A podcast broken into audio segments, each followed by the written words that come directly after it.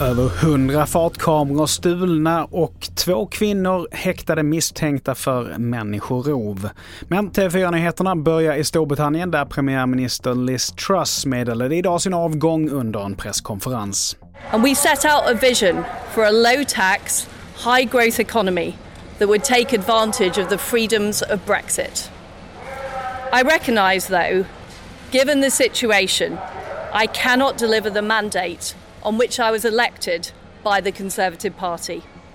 I have therefore spoken to His Majesty the King to notify him that I am resigning as leader of the Conservative Party. Och Truss avgår efter rekordkort tid och säger att hon kommer att sitta kvar till en efterträdare väljs. Och så här kommenterar vår utrikeskorrespondent Thomas Kvarnkullen.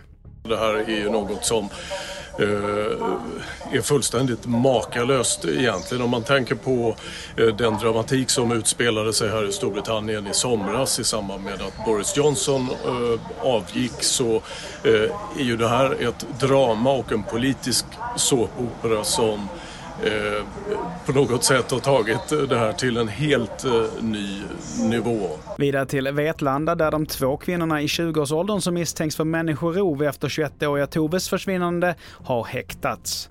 Misstänkarna har stärkts och båda två är nu misstänkta på sannolika skäl men nekar enligt sin försvarsadvokat. Och samtidigt så fortsätter sökandet efter Tove. Man vet ju, man vet vem det är också.